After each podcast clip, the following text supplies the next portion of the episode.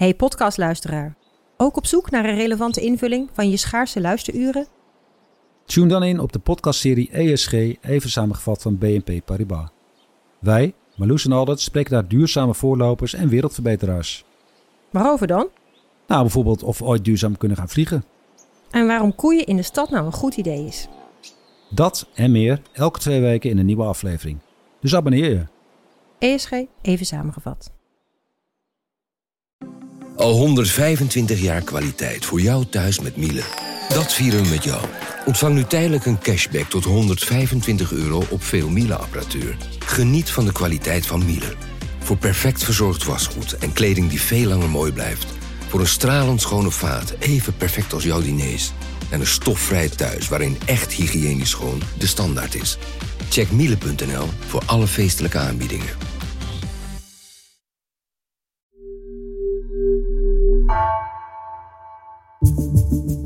Vanaf de redactie van NRC het verhaal van vandaag. Mijn naam is Floor Boon.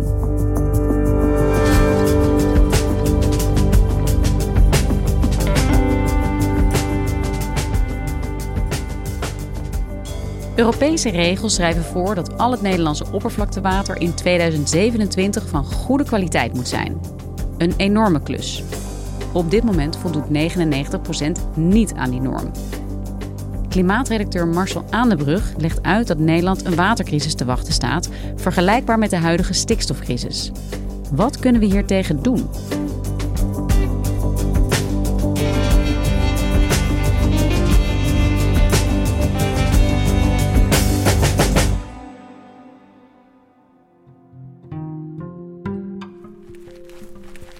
We zijn nu in het uh, Worm en Jisperwater.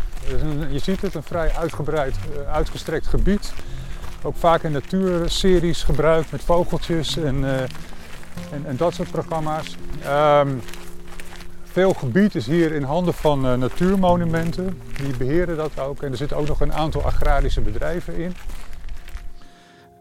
je hoort hier Jan Willem Huizinga. Hij werkt bij het Hoogheemraadschap Hollands Noorderkwartier. En het Hoogheemraadschap is uh, verantwoordelijk voor de kwaliteit van het water in het uh, noordelijk deel van Noord-Holland en ook Texel.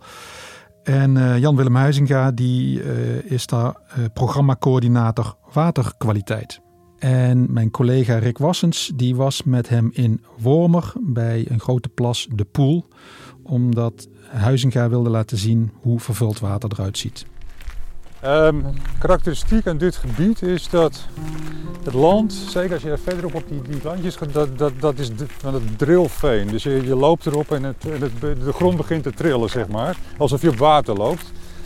En dat is een van de kenmerken van dit gebied. Dat dus eigenlijk het veen wat je hier hebt, gewoon eigenlijk prut is, wat eronder zit. Die prut waar hij het over heeft, dat is veengrond. En dat is uh, een, een grondsoort die is gevormd heel lang geleden door uh, afgestorven planten. Die hebben daar een dikke onderlaag uh, gevormd. We lopen hier langs de poel. Dat is ook een beetje een recreatief water waar met bootjes wordt gevaren. Als je hierin gaat staan, dan, dan sta je helemaal in de slappe derry, zeg maar. Daar kan je helemaal uh, in wegzakken.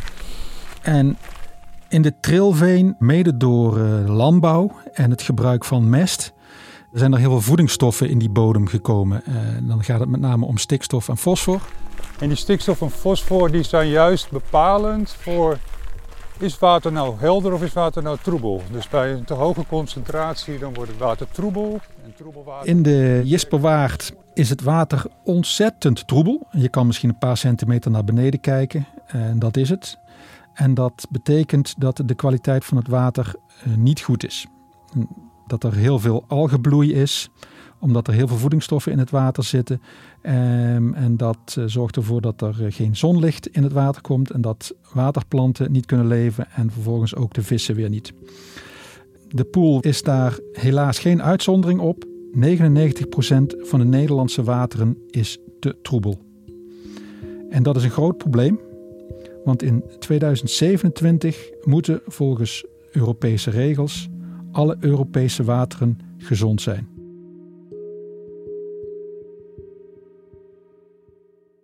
Ja, Marcel, jij bent klimaatredacteur, verbonden aan de wetenschapsredactie. En jij zegt hier nogal iets verontrustends, namelijk 99% van al het water in Nederland voldoet niet aan de juiste kwaliteit en aan Europese richtlijnen. Um, wat houden die Europese richtlijnen precies in, waar Nederland dan aan moet gaan voldoen in 2027? Ja, je kunt het eigenlijk zo zien. In de jaren 80, 90, 2000 heeft uh, Brussel allerlei wetten opgesteld om de natuur beter te beschermen. En dat geldt onder andere voor uh, landen hebben beschermde natuurgebieden moeten inrichten. Dat zijn die Natura 2000 gebieden waar in verband met de stikstofcrisis heel veel om te doen is. En sinds 2000 is er een wet van kracht, die kaderrichtlijn water, die stelt dat er op een bepaald moment de Europese wateren in een goede ecologische toestand moeten zijn. Ja, en als ik jou zo hoor, dan eh, gaat dat niet lukken over vijf jaar. Uh, nee, zeker niet. En als je de Europese ranglijst bekijkt, dan bungelt Nederland daar ergens mee onderaan. Daar kun je wel wat kanttekeningen bij zetten, want en dat is ook wat bijvoorbeeld het ministerie eh, van Infrastructuur en Waterstaat aangeeft. Die zijn verantwoordelijk. Nederland meet wel heel veel in vergelijking met sommige andere landen. Als je kijkt naar andere landen die ook veel meten, Duitsland, België bijvoorbeeld, die scoren ook vrij laag op de EU-ranglijst. En waarop geturfd wordt, dat zijn eigenlijk uh, twee grote groepen chemie en ecologie. En onder ecologie valt dan bijvoorbeeld weer, dan moet je vissen meten, je moet uh, waterplanten meten, je moet de ongewervelde dieren meten, uh, algen meten en, en nog een aantal chemische stoffen.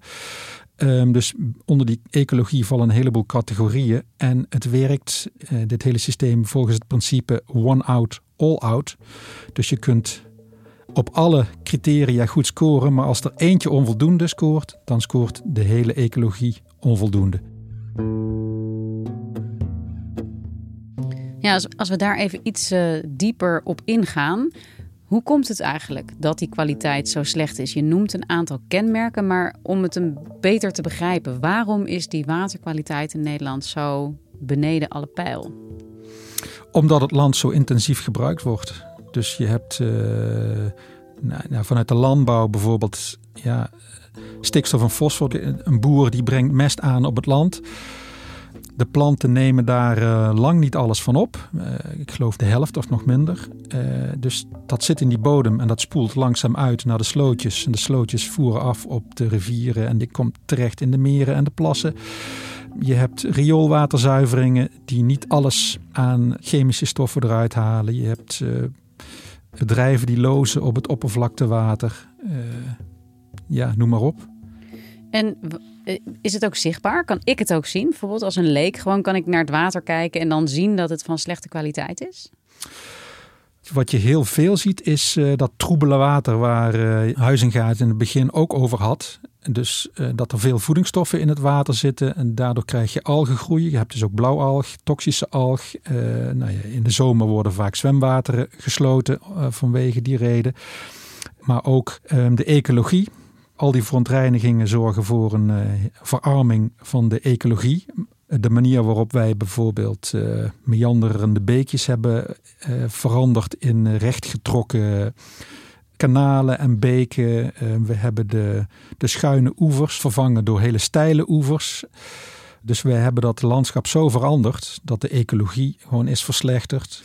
Maar je kunt ook denken aan drinkwater. Het wordt steeds moeilijker om drinkwater te maken uit het water van de Rijn. De waterkwaliteit van de rivier gaat achteruit, zeggen drinkwaterbedrijven. Er zijn zeker in het oosten van het land drinkwaterbedrijven die uh, halen drinkwater uit grondwater. Maar wat ze daar zien is dat er steeds meer verontreinigingen, medicijnresten, hardnekkige chemicaliën zoals PFAS, uh, die komen steeds dieper in het grondwater. Bij elke slok kraanwater die je drinkt een beetje antibiotica binnenkrijgen of paracetamol. We weten op dit moment dat we ongeveer 140.000 kilogram medicijnresten op jaarbasis in ons milieu krijgen. Drinkwaterbedrijven hebben daar al een aantal keren alarm over geslagen. Dus het is een breed effect. Nou ja, drinkwater, dat is nogal essentieel natuurlijk. Uh, lijkt me dat, zeker als we het daarover hebben, dat overal wel alarmbellen zouden moeten gaan rinkelen. Zou je denken, ja. Ehm, maar er is natuurlijk ook wel het besef dat er heel veel moet gebeuren aan de waterkwaliteit. En dat die flink uh, verbeterd moet worden. Maar het is een, uh, een moeilijk en complex probleem in het dichtbevolkte Nederland. Ja, en dit is dus al in 2000, zei jij, besloten. Europees gezien dat hier iets aan moet gebeuren. We zijn inmiddels in 2022. Ehm, ja, is dit dan uh, een soort onrealistisch doel geweest? Of is het gewoon helemaal niet serieus genomen en gaan er nu ineens, hè, komt er nu ineens bovendrijven dat we over vijf jaar aan een norm moeten voldoen? Ja, ik heb wel het idee dat de urgentie nu de laatste jaren wel beter gevoeld wordt. Maar voorzitter, het zijn problemen die we hier in Nederland hebben. En moet Nederland dan weer een tik op de vingers krijgen van Europa om ons bewust van te worden dat we voor de natuur moeten zorgen en voor de kwaliteit van ons water? De eerste deadline was eigenlijk 2009. Toen zou eigenlijk alles al in orde moeten zijn. Eh, maar uh, Brussel heeft uh, de lidstaten twee keer uitstel gegeven, ook, ook Nederland. Waarschijnlijk ook om eh, de landen meer tijd te geven. Om de landen niet meteen voor het blok te zetten en om boetes te gaan uitdelen, want dat hangt in de lucht. En ook omdat het een complex probleem is. Ja, als jij zegt uh, uitstel hè, en uh, vooruitschuiven, ik denk meteen aan de stikstofcrisis eigenlijk. Ook zo'n probleem dat al 20, 30 jaar speelt, waar continu normen zijn uh, verschoven, opgerekt om maar niet echt het probleem bij de bronnen aan te pakken. Ja, is dat ook een vergelijking die je kunt maken? Ja, die, wordt ook, die vergelijking wordt ook vaak gemaakt. Uh, de water. Eh, de naderende watercrisis, daar, daar wordt wel over gesproken. En dan wordt er ook vaak een vergelijking gemaakt met de stikstofcrisis. Uh, want ja, die kwaliteit moet zoveel verbeteren. En het is nu al duidelijk dat dat op veel plekken niet gehaald zal worden. En dus tot problemen zal gaan leiden. Maar ook dat bijvoorbeeld als er een woonwijk gebouwd moet worden of er moet een jachthaven uitgebreid, dat daar geen vergunning voor wordt gegeven. Omdat dat de waterkwaliteit te veel negatief beïnvloedt. En dat was bij de stikstofcrisis natuurlijk ook aan de hand sinds de uitspraak van de Raad van State in 2019 kwamen er heel veel bouwprojecten bijvoorbeeld stil te liggen. Omdat er te veel stikstof neerdaalt op natuurgebieden die een beschermde status hebben. Ja, precies. Dat is ook wat ik denk. Het heeft heel veel effecten voor de hele maatschappij.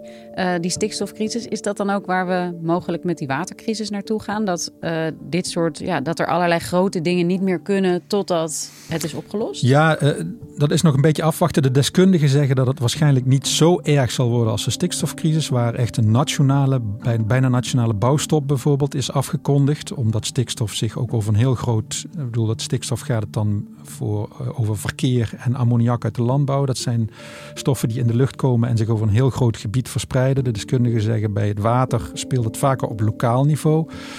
Dus ehm, dat meteen het hele land op slot gaat, dat verwachten ze niet. Maar lokaal ehm, zouden er zeker effecten kunnen volgen. Hey, en uh, goed, duidelijk hè. Het is uh, volgens mij heel helder. Er is een probleem. Uh, die waterkwaliteit moet ja. gaan verbeteren en best wel snel. Want 2027 is al, al over vijf jaar. Um, maar hoe moet dat? Hoe kan je dit verbeteren? Ja, die opdracht is voor een belangrijk deel bij de waterschappen gelegd. Maar de waterschappen die klagen daarover, want zij kunnen eigenlijk alleen maar in en vlak aan het water maatregelen nemen. En dat hebben ze ook heel veel gedaan. Als je bijvoorbeeld naar uh, Wormer kijkt, uh, daar hebben ze voor uh, miljoenen euro's hebben ze daar een, een, een, deel van de bodem afgebaggerd. Met het idee dat dat zou helpen. Dus we gaan eigenlijk de, de slappe baggers zijn we eruit gaan halen. Dat zijn we op het land gaan zetten in, in depots. En dat deden we eigenlijk maar met één doel, om de waterkwaliteit te verbeteren. En heeft dat geholpen? Dat baggeren in ieder geval heeft niet geholpen. En, nou, we hebben dit uitgevoerd en we komen tot de conclusie dat het niets heeft verbeterd. Want het probleem zit zo diep dat die voedingsstoffen uh, ook, ook, die zitten ook dieper, dus die blijven nog steeds uitspoelen.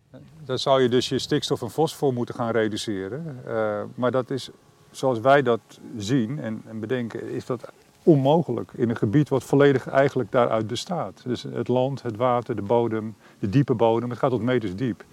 Dus het water blijft dan heel veel uh, stikstof en fosfor bevatten, blijft algegroei stimuleren uh, en dan blijft het water troebel. Ik ben zelf bij de Dongen geweest bijvoorbeeld in, uh, in de buurt van Tilburg. Daar zijn vispassages aangelegd. Ze hebben de oevers veranderd, zodat wat de biodiversiteit bevordert. Ze hebben bijvoorbeeld als verbinding tussen de Dongen en het Wilhelmina-kanaal een meanderend beekje aangelegd.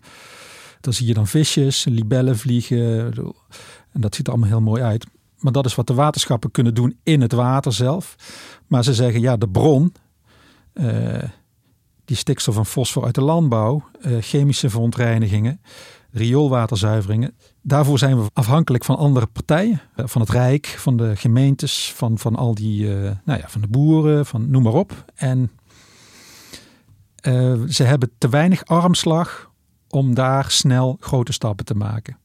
Ja, want hoe staat het daarvoor? Gebeurt er wel al iets op dat vlak? Worden die vervuilers wel al aangesproken? Uh, zijn er regels? Uh, hangt ze boetes boven het hoofd? Ja, er wordt druk gepraat. Ik weet bijvoorbeeld uh, ook weer in Brabant. Daar is, en dat gaat dan weer over grondwater. Er is afgelopen najaar een convenant afgesloten tussen allerlei partijen uh, om de grondwatersituatie te verbeteren. Maar ja, dat is dan de vraag hoe snel dat effect zal hebben.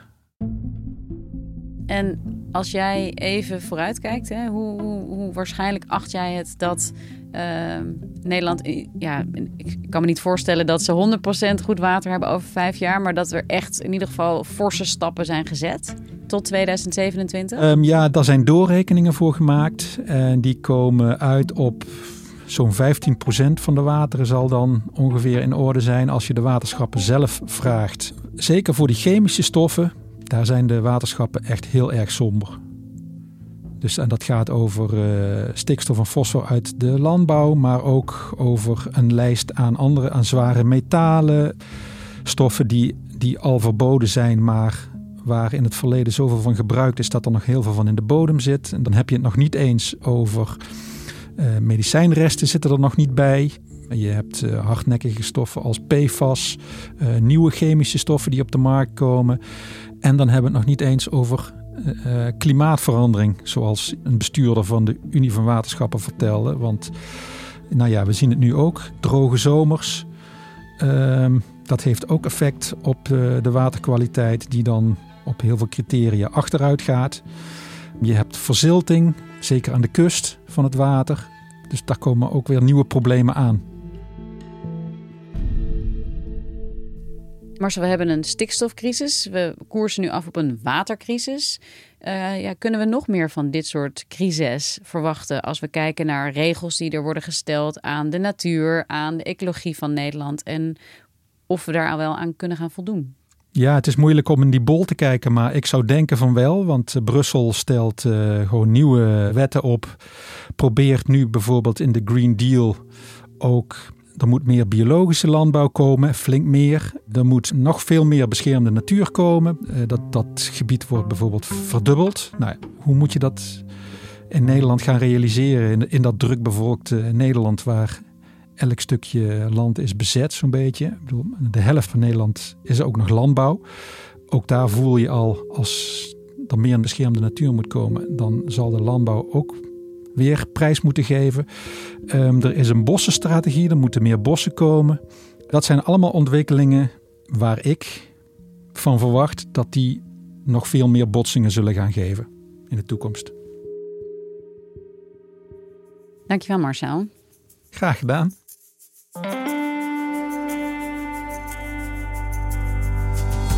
Je luisterde naar vandaag, een podcast van NRC.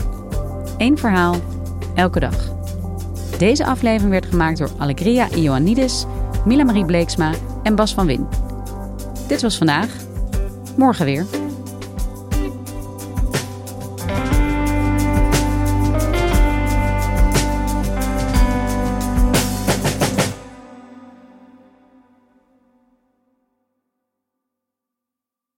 Technologie lijkt tegenwoordig het antwoord op iedere uitdaging. Bij PwC zien we dit anders. Als we de potentie van technologie willen benutten, kunnen we niet zonder een menselijk perspectief. Human-led, tech-powered noemen we dat. Ga naar pwc.nl.